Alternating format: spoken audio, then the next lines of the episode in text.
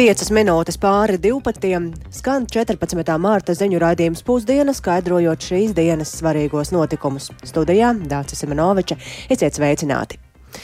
Stradiņas slimnīcas būvniecība kavējas. Šobrīd ir sākusies valdības sēde, kurā uzklausīs arī veselības ministrijas ziņojumu par slimnīcas jaunā korpusa A ēkas projekta otrās kārtas attīstību, un pašlaik ir aplēsts, ka būvniecības izmaksu sadārdzinājumu dēļ vajadzīgi papildu 14 miljoni eiro, lai projektu pabeigtu, un arī pati celtniecība ir stipri aizkavējusies. Par iemesliem vairāk ir gatavs stāstīt kolēģi Zana Eniņa, kura pievienojas studijā. Sveicināti! Labdien!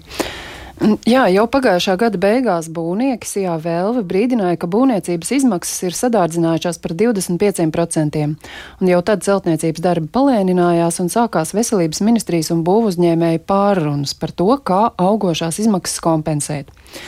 Pēc Stradiņas slimnīcas valdes priekšsēdētāja Rinalda Muciņa teiktā ziņojumā Valdībai, kas tiek uzklausīts šodien, ir ietverts sarunu iznākums, vienošanās ar būvniekiem, ka projekta Pabeigšanai papildus nepieciešami 14 miljoni eiro, un kopā ar pievienotās vērtības nodokli tie ir pat vairāk nekā 16 miljoni. Un ka līgums par ēkas pabeigšanu tiek pagarināts eh, līdz nākamā gada 1. jūnijam. Kādas bija projekta izmaksas sākumā?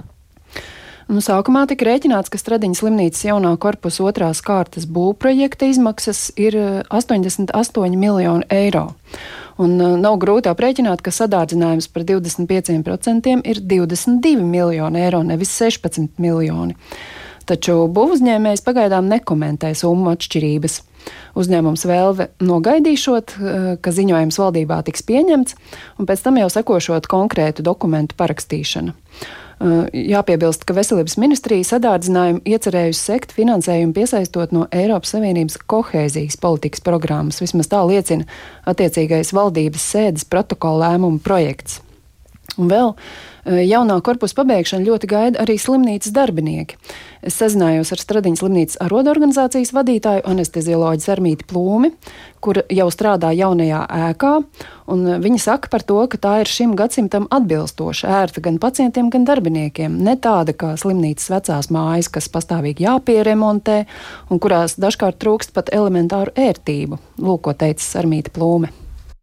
Veselības aprūpē ir tā nozare, kurai visu laiku jāattīstās gan tehnoloģijā, gan arī telpu jautājumā, jo mēs zinām, ka telpas ir novecojušās. Un, ja nodaļās ir 20 pacienti vai vairāk pacienti, uz vienu nodaļu ir viena duša, nu, Jā, protams, arotbiedrības vadītāji arī akcentēja to, ka Stardiņas slimnīcā ļoti trūks darba roku. Arī iestādes valdes priekšsēdētājs pirms dažām dienām informēja, ka Stradiņos ir simtiem vakanču. Tātad tikpat aktuāls kā jaunā korpusa pabeigšana ir arī jautājums par to, kas jaunajā skaistajā ēkā strādās. Paldies Zanai Eniņai par šo skaidrojumu. Nu, cerot, ka būs um, gan kur strādāt, gan kas strādās. Bet eh, turpinām ar veselības jomu un to, ka imunizācijas valsts padome ceļ trauksmi par to, ka steidzam ir jāmaina pneimokoku vakcīnu uz efektīvāku, jo esošā neaizsargā pret visiem tā veidiem. To apliecina arī tas, ka pērn esot miris kāds vakcināts bērns un vēl viens gadījums ir bijis īpaši smags. Šobrīd Latvijā ir pieejamas trīs dažādas pneimokoku šoku vakcīnas, bet valsts apmaksā lētāko tā uzsver imunizācijas valsts padomas vadītāja profesore Dāce Zavacka, norādot, ka efektīvāko šogad nav izdevies iekļaut vakcinācijas kalendārā, un tas esot naudas jautājums. Tāpēc arī pagaidām turpinoties vakcinācija ar esošo vakcīnu. Cik tā ir efektīva, to kolēģei Dērai Zīlē šorīt raidījumā labrīt skaidroja Zavacka. Šī vakcīna ir laba vakcīna, un viņa pasargā pret tiem desmit serotipiem, pret kuriem viņa ir veidota, bet tas vairs nav pietiekami mums Latvijai un nav pietiekami labu laiku, un to ļoti labi parāda SPKC apkopotie dati par saslimušajiem un arī mirušajiem, diemžēl, un to ļoti labi arī parāda, diemžēl, stacionārā nonākušie pacienti, kam ir pierādīta šī infekcija. Un, ja mēs runājam par bērniem, tad vismaz divi tādi bērni, kas ir bijuši pilnībā vakcinēti, vienam, diemžēl, tas ir beidzies ar nāvi, otrs ir ilgi, ilgi ķeprojies, izķeprojos un tad ilgstoši ārstējies. Vai mēs varam sagaidīt jaunu vakcīnu un kad? Protams, jautājums ir par naudu, Un vārdi tiešām nozīmē, mēs šobrīd lietojam lētāko vakcīnu. Kad varētu ienākt jaunāka vakcīna? Vakcīna ir pieejama, ir divas dažādas vakcīnas pieejamas Latvijā, Latvijas imunizācijas kalendāra iepirkumiem. Bumba patreiz ir veselības ministrijas un Nacionālā veselības dienas rokās. Mēs ļoti cerējām, ka mēs to varētu izdarīt jau šajā pusgadā.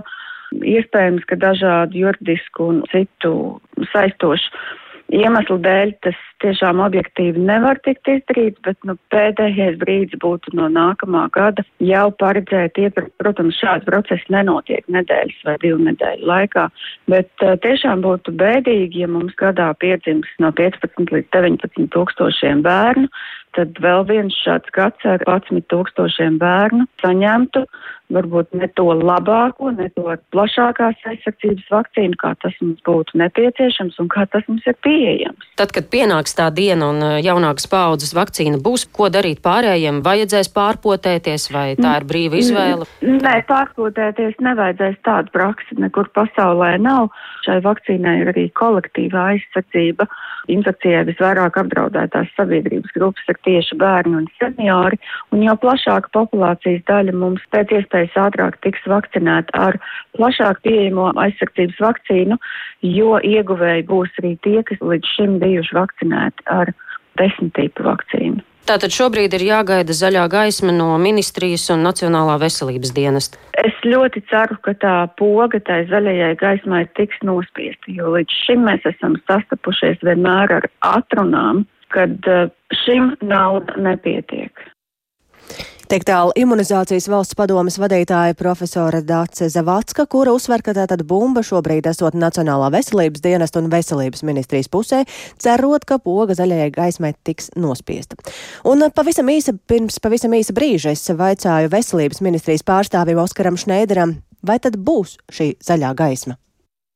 Veselības ministrija apzinās un piekrīt imunizācijas valsts padomus rekomendācijām, ka jaunā vakcīna 13 valentā iekļauj plašāku aizsardzību pret pneimokoku infekciju nekā līdz šim izmantotā vakcīna, jeb 10 valentā. Vakcīnas pret pneimokoku infekciju, līdzīgi kā citas vakcinācijas kalendārā iekļautās vakcīnas, iepērk Nacionālais veselības dienests. Un uh, šobrīd Nacionālais veselības dienests organizē vakcīnu iepirkumu pret pneimokoku infekciju nākamajiem diviem gadiem, 2024. un 2025. gadam. Ministrija ir izvērtējusi iespējas šajā jaunajā iepirkumā jau iegādāties jaunā tipa vakcīnas, bet jāņem vērā tas, ka tās ir ievērojami dārgākas. Pēc šā brīža aplēsēm tam būtu nepieciešams papildus finansējums apmēram 1,3 miljonu eiro apmērā. Un šobrīd tiek strādāts pie tā, lai apzinātu iespējas atrast nepieciešamos līdzekļus un, attiecīgi, jaunajā iepirkumā varētu iegādāties jaunās 13 valentās vakcīnas. Jāuzsver vēl viena būtiska lieta, ka šobrīd izmantotās 10 valentās vakcīnas pret pneimokoku nodrošina labu aizsardzību, tiesa ne pret visiem pneimokoku paveidiem, un tādēļ tiek vērtēts iespējas uz nākamajiem gadiem iegādāties jaunākas paudzes vakcīnu, kas nodrošinās plašāku aizsardzību. Tajā pašā laikā arī šobrīd izmantotā vakcīna ir efektīva. Tā ir atzīta gan Eiropas zāļu aģentūrā, gan arī Latvijas zāļu aģentūrā reģistrēta. Tāpēc te izstāsta nevis par to, ka mums esošā vakcīna nebūtu efektīva, bet ko darīt, lai mēs varētu mūsu bērniem nodrošināt jaunākas paudzes aizsardzību, vēl efektīvāku vakcīnu. Es saprotu, ka tas nozīmē, ka nu, šajā brīdī mēs par to nevaram runāt, tāpēc, ka iepirkums jau ir bijis, vakcīnas ir sapirktas, nu, un, protams, arī šie papildu nauda, kas vajadzīga. Nu, šis jautājums noteikti ir aktualizējies tādēļ, ka šobrīd iet šis jaunais iepirkums uz nākamajiem diviem gadiem, un tādēļ tas ir aktuāli. Šobrīd, lemjot par labu jaunajām vakcīnām, principā mēs varētu pāriet uz eh, augstākas aizsardzības vakcīnu iegādāšanos eh, nākamajiem diviem gadiem. Bet šogad mēs izmantojam tās vakcīnas, kas ir iegādātas desmit valentās, nu, kas ir absolūti izmantojamas un nodrošina arī labu aizsardzību. Kādi ir tie tālākie soļi un kurā brīdī būs skaidrs, vai mēs varam nākamajos divos gados šajā iepirkumā iekļaut labākas aizsardzības vakcīnas? Nu, principā tas ir tuvāko nedēļu jautājums, jo Nacionālais veselības dienests plāno šo iepirkumu aprīļa mēnesī. Tā kā šī brīdī tiek apzināts iespējas eh, rast nepieciešamos līdzekļus un eh, attiecīgi jau pēc tam īstenot uh, iepirkumu. Tāds lūk skaidrojums no veselības ministrijas pārstāvjiem Oskara Šneidera puses par to, cik lielas ir cerības nodrošināt iespējami labāko aizsardzību bērniem. Izglītības joma sagaida būtiska reforma - skolu tīkla optimizācija jeb sakārtošana. Apvienotais saraksts gan pat labam to ir apstādinājis, jo iestājas pret grozījumiem izglītības likumā, kas paredzēja pārskatīt skolu kritērijus, piemēram, par minimālo bērnu skaitu klasē. Arī Latvijas pašvaldības savienība iebilst pret ministrijas piedāvātajiem kritērijiem, un kolēģi Agnija Lazdeņa šobrīd ir ar mani studijā, lai pastāstītu vairāk gan par šiem kritērijiem attiecībā uz skolu tīkla optimizāciju, gan arī par to, kā iesaistītās puses uz to raugās. Sveika, Agnija! Jā, labdien! Vispirms par izglītības un zinātnes ministrijas piedāvātiem kritērijiem, kas saistīti ar skolēnu skaitu, grupējot tos pa klašu grupām. Proti, tiek piedāvāts sākuma skolai, ja pirmajām līdz sestajām klasēm, atrasties tuvāk dzīvesvietai bez apvienotajām klasēm, un tajās vajadzētu būt vismaz desmit bērniem. Savukārt 7. un 9. klasē ministrija piedāvāja koncentrēt tās tuvāk administratīvajiem centriem vai arī pievienot tuvākajai vidusskolai. Taču vidusskolas klasēm ārpus administratīvā centra centra, tām būtu jāatrodas ne mazāk kā 20 līdz 25 km no citas vidusskolas un veidojot vidusskolu tīklu bez pašvaldību robežām. Un Latvijas pašvaldību savienība, balstoties uz valsts izglītības informācijas sistēmas datiem, veica detalizētu analīzi par skolu tīklu, arī katras skolas analīzi par skolēnu skaitu, klašu grupām un pedagogiem, lai tad saprastu, kāda būs ietekme, ja pieņems lēmumu par vienas vai otras skolas pakāpes maiņu vai arī slēgšanu. Un rezultātus pagājušajā nedēļā prezentēja valdes sēdē, kur tad bija arī ministrijas pārstāvjiem. Būtībā šis, šī analīze tika veikta, lai noskaidrotu, kas notiktu, ja ministrija pieņemtu savus kritērijus piedāvātos un paklausīsimies, ko tad par ministrijas kritērijiem saka Latvijas pašvaldības savienības padomniece izglītības un kultūras jautājumos Ināra Dundura. Viņas nevar šobrīd realizēt un īstenot. Ir jāvienojas par saprātīgām prasībām, saprātīgiem kritērijiem, un tad ir jāpieņem lēmums. Šobrīd ir vienkārši, piedodiet, pieeja Excel veida, cik varētu ietaupīt. Viennozīmīgi kāds uzreiz ieguvums pēc šīs paplašinātās valdes sēdes ministrija atzina, ka būs tiesības pastāvēt novados valsts ģimnāzijas, jo mērķis bija arī tās tikai varbūt valsts pilsētās un Rīgā, cik tur valsts pilsētās tikai pa vienai. Dundure arī uzsver, ka ir nepieciešama skaidra un vienota izpratne par to, kas ir kvalitatīva izglītība skolā un vērtējumu balstīt uz bērna individuālās izaugsmas mērījumiem. Un galvenokārt pirms izglītības iestādes reorganizācijas vai slēgšanas ir jāņem vērā novada vai arī pilsētas izglītības iestāžu pieejamību. Jā. Un tātad šie arī ir tie iemesli, kāpēc reforma šobrīd ir apturēta? Daļēji apvienotā saraksta politiķi ieskatā šie grozījumi izglītības likumā būtu apdraudējuši mazo lauku skolu turpmāku pastāvēšanu un nozīmētu slēgšanas draudus lielai daļai Latvijas skolu. Tiesa apvienotais saraksts nav pilnībā pret skolu tīklu optimizāciju, vien uzsver, ka pietrūcis pienācīgi izrunātu kritēriju, tāpēc reformu apturēja. Pēc viņu teiktā gan aptuveni vien uz diviem mēnešiem. Apvienotais saraksts pirmkārt uzskata, ka skolu tīkla optimizācija jāsāk ar izglītības iestādēm, kurās ir apvienotās klases, taču pats tāds galavārds esot jāsaka pašiem reģioniem. Paklausīsimies, kā Latvijas radio rīta programmā Labrīt izteica, izteicās Saimas izglītības komisijas pārstāvis Česlavs Batņa no apvienotā saraksta. Mēs esam pret Excel tabulu visiem vienādi, jo, manuprāt, lai arī šo skolu tīklu tādā reģionālā līmenī sakārtotu, mums tomēr jāapzinās tas, ka tas atstās zināmu iespēju arī reģionāla ekonomiskā attīstībā. Pašvaldību savienība ir izstrādājusi tādu interaktīvo karti, kas publiski jau šobrīd ir pieejama, un mēs to redzam, ja mēs ejam to pirmo piedāvājumu, ko izglītības ministrija demonstrēja 24. februārī, kad minimālais skaits varētu būt 108. 80 bērni Latvijā no pamatskolu grupas pazūd aptuveni divas trešdaļas skolu. Protams, šis viss vēl ir tādā kā procesā, diskusijas vēl būs, un par to, kad ir gaidāma kāda vienošanās, plašāk stāstīšu programmā pēcpusdienā. Paldies Agnijai Lazdiņai, un te ir jāteic, ka skolu slēgšana apsver ne tikai dziļā Latgalē, bet arī vidzemes vidienē. Līdz 26. martam Smiltenes novada pašvaldība pulviskajai apspriešanai ir nodevusi novada izglītības attīstības stratēģijas projektu nākamajiem pieciem gadiem, un tajā uz jautājumu zīmes ir četru mazo skolu pastāvēšana Launkalnes, Trapenes, Bilskas un Drustu. Visasākā iedzīvotāja reakcija ir Variņos, kur pamatskolā šobrīd mācās 55 bērni un strādās 17 skolotāji. Un par vēršanos pie Smiltenes novada domas stāsta skolānu vecāku pārstāvis Vilnis Korulis, kurš pats ir beidzis Variņu skolu. Paraksti ir iesniegti pirmdien no rīta, un ir uh, 393 parakstis par to, lai atceltu šo izglītības stratēģiju un pārstrādātu. Parakstījušies ir pamatā ir Variņu pagasta iedzīvotāji, bet mūs ir atbalstījuši arī iedzīvotāji, kas ir Smiltenes novadā, kam nav viena alga, kas notiek ar solām, laukiem kā tādiem. Ja realizēsies jaunā stratēģija, Variņu skolēniem būs jādodas izglītoties uz nepilnus 9 km attālo Balsmanes pamatskolu, kur pagaidām ved zemes ceļš, bet uz Variņu skolu, kurā ir uzcelta moderna sporta halle, pārceltos pagasta pirmsskolas un Balsmanes speciālās pamatskolas audzēkņi, kuri mācās bijušajā mūžas pilī, kas nav tik ekonomiska. Un uh, optimizācijas skaitļu valodā raksturo Smiltenes novada domes priekšsēdētājs Edgars Savotiņš.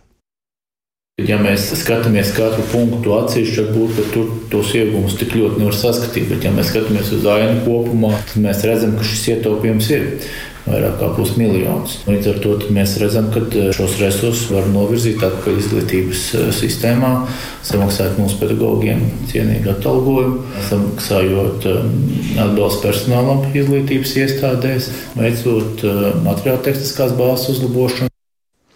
Tik tālu Edgars Avotiņš un vairāk par situāciju Variņu pamatskolā un arī Smiltenes novadā kopumā dzirdēsiet ziņu raidījumā pēcpusdiena.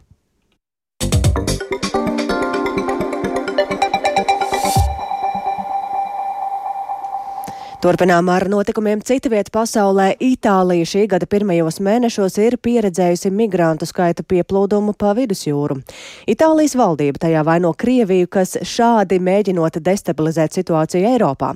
Roma arī brīdina, ka Āfrikas ziemeļos pašlaik atrodas simtiem tūkstošiem migrantu, kuri vēlas doties uz Eiropu. Tikmēr Itālijas labējai valdībai nākas atraidīt pārmetumus par necilvēcīgu attieksmi pret migrantiem. Plašāk Ulda ķēzberi ierakstā.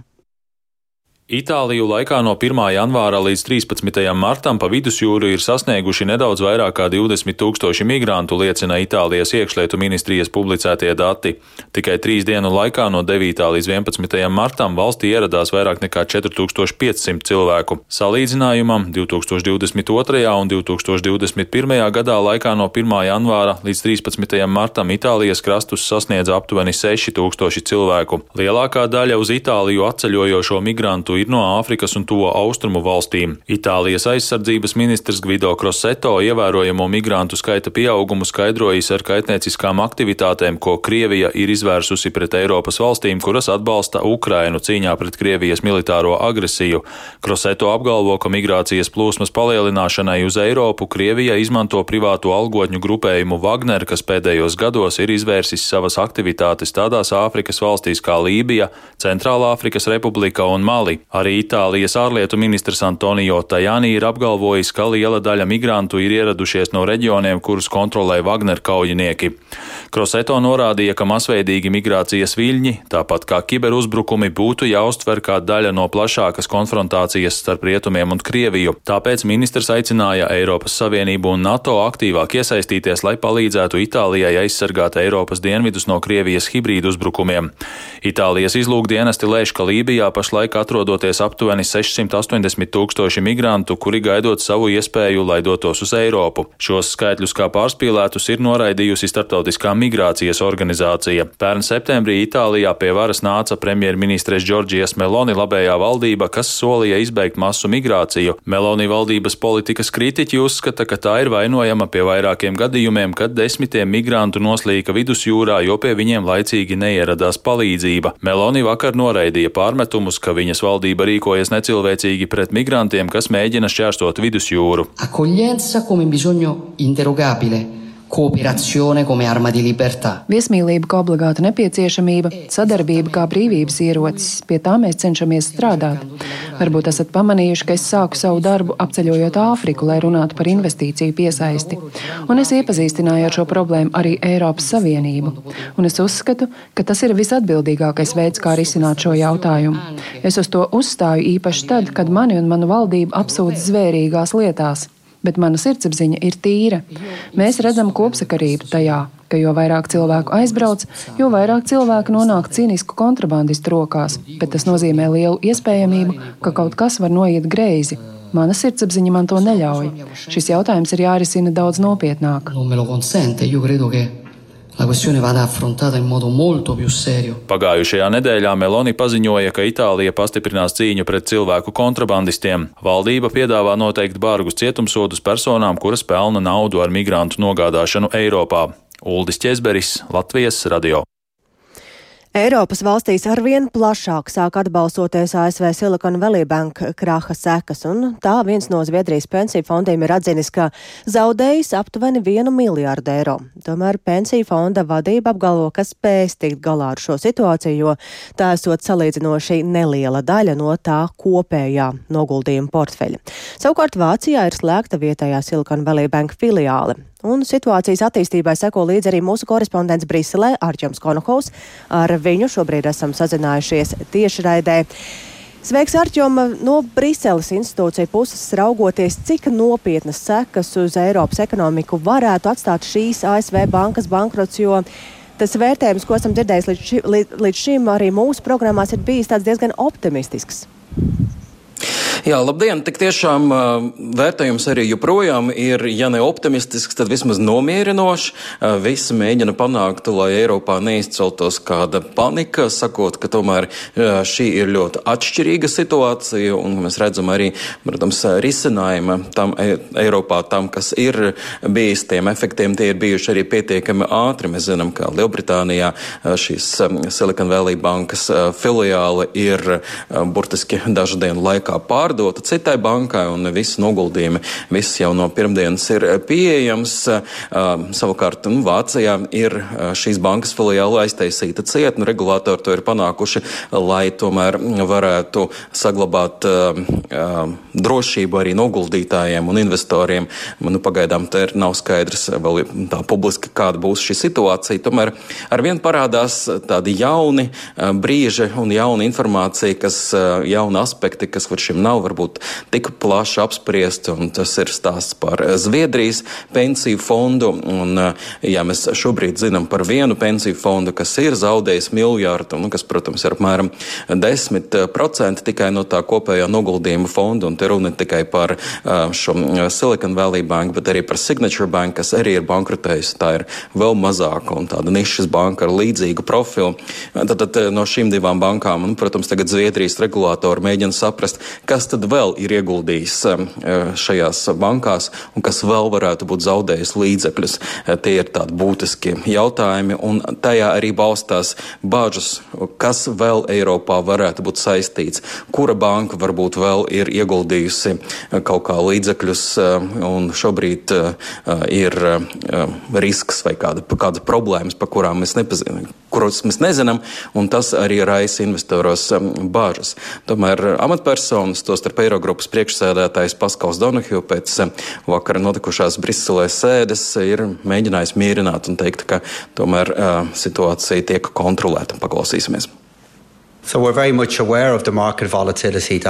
uh, Mēs ļoti labi apzināmies, kādas tirgus svārstības ir notikušas. Ir skaidrs, ka tās notiek Silicon Valley Bank bankrota kontekstā, bet mūsu vēstījums paliek skaidrs un nemainīgs. Šī banka atradās īpašā situācijā. Savukārt Eiropā situācija ir ļoti atšķirīga. Very, very Un kā tu teiktu, vai šīs bankrots varētu atturēt ASV un Eiropas centrālo banku no turpmākās likmju celšanas? Jā, ekonomisti uzskata daudz, arvien vairāk ekonomisti, ka šobrīd eh, likmi celšana nevarētu, ja ne pilnībā tikt apturēta, tad no, sāk notikt lēnāk. Paldies Arčomam Konohovam no Briseles, un ar to arī izskan raidījums pusdiena, ko veidoja producente Ilze Aginta, ierakstus montēja Renāša Steimanis, par labskaņu rūpējās Jāna Dreimana un ar jums sarunājās Dācis Semenoviča. Mūsu ziņām un to izklāstam var sekot līdzi arī Latvijas Radio 1 Facebook lapā, tāpat arī sabiedrisko mediju ziņu portālā LSM LV un arī raidierakstu platformās.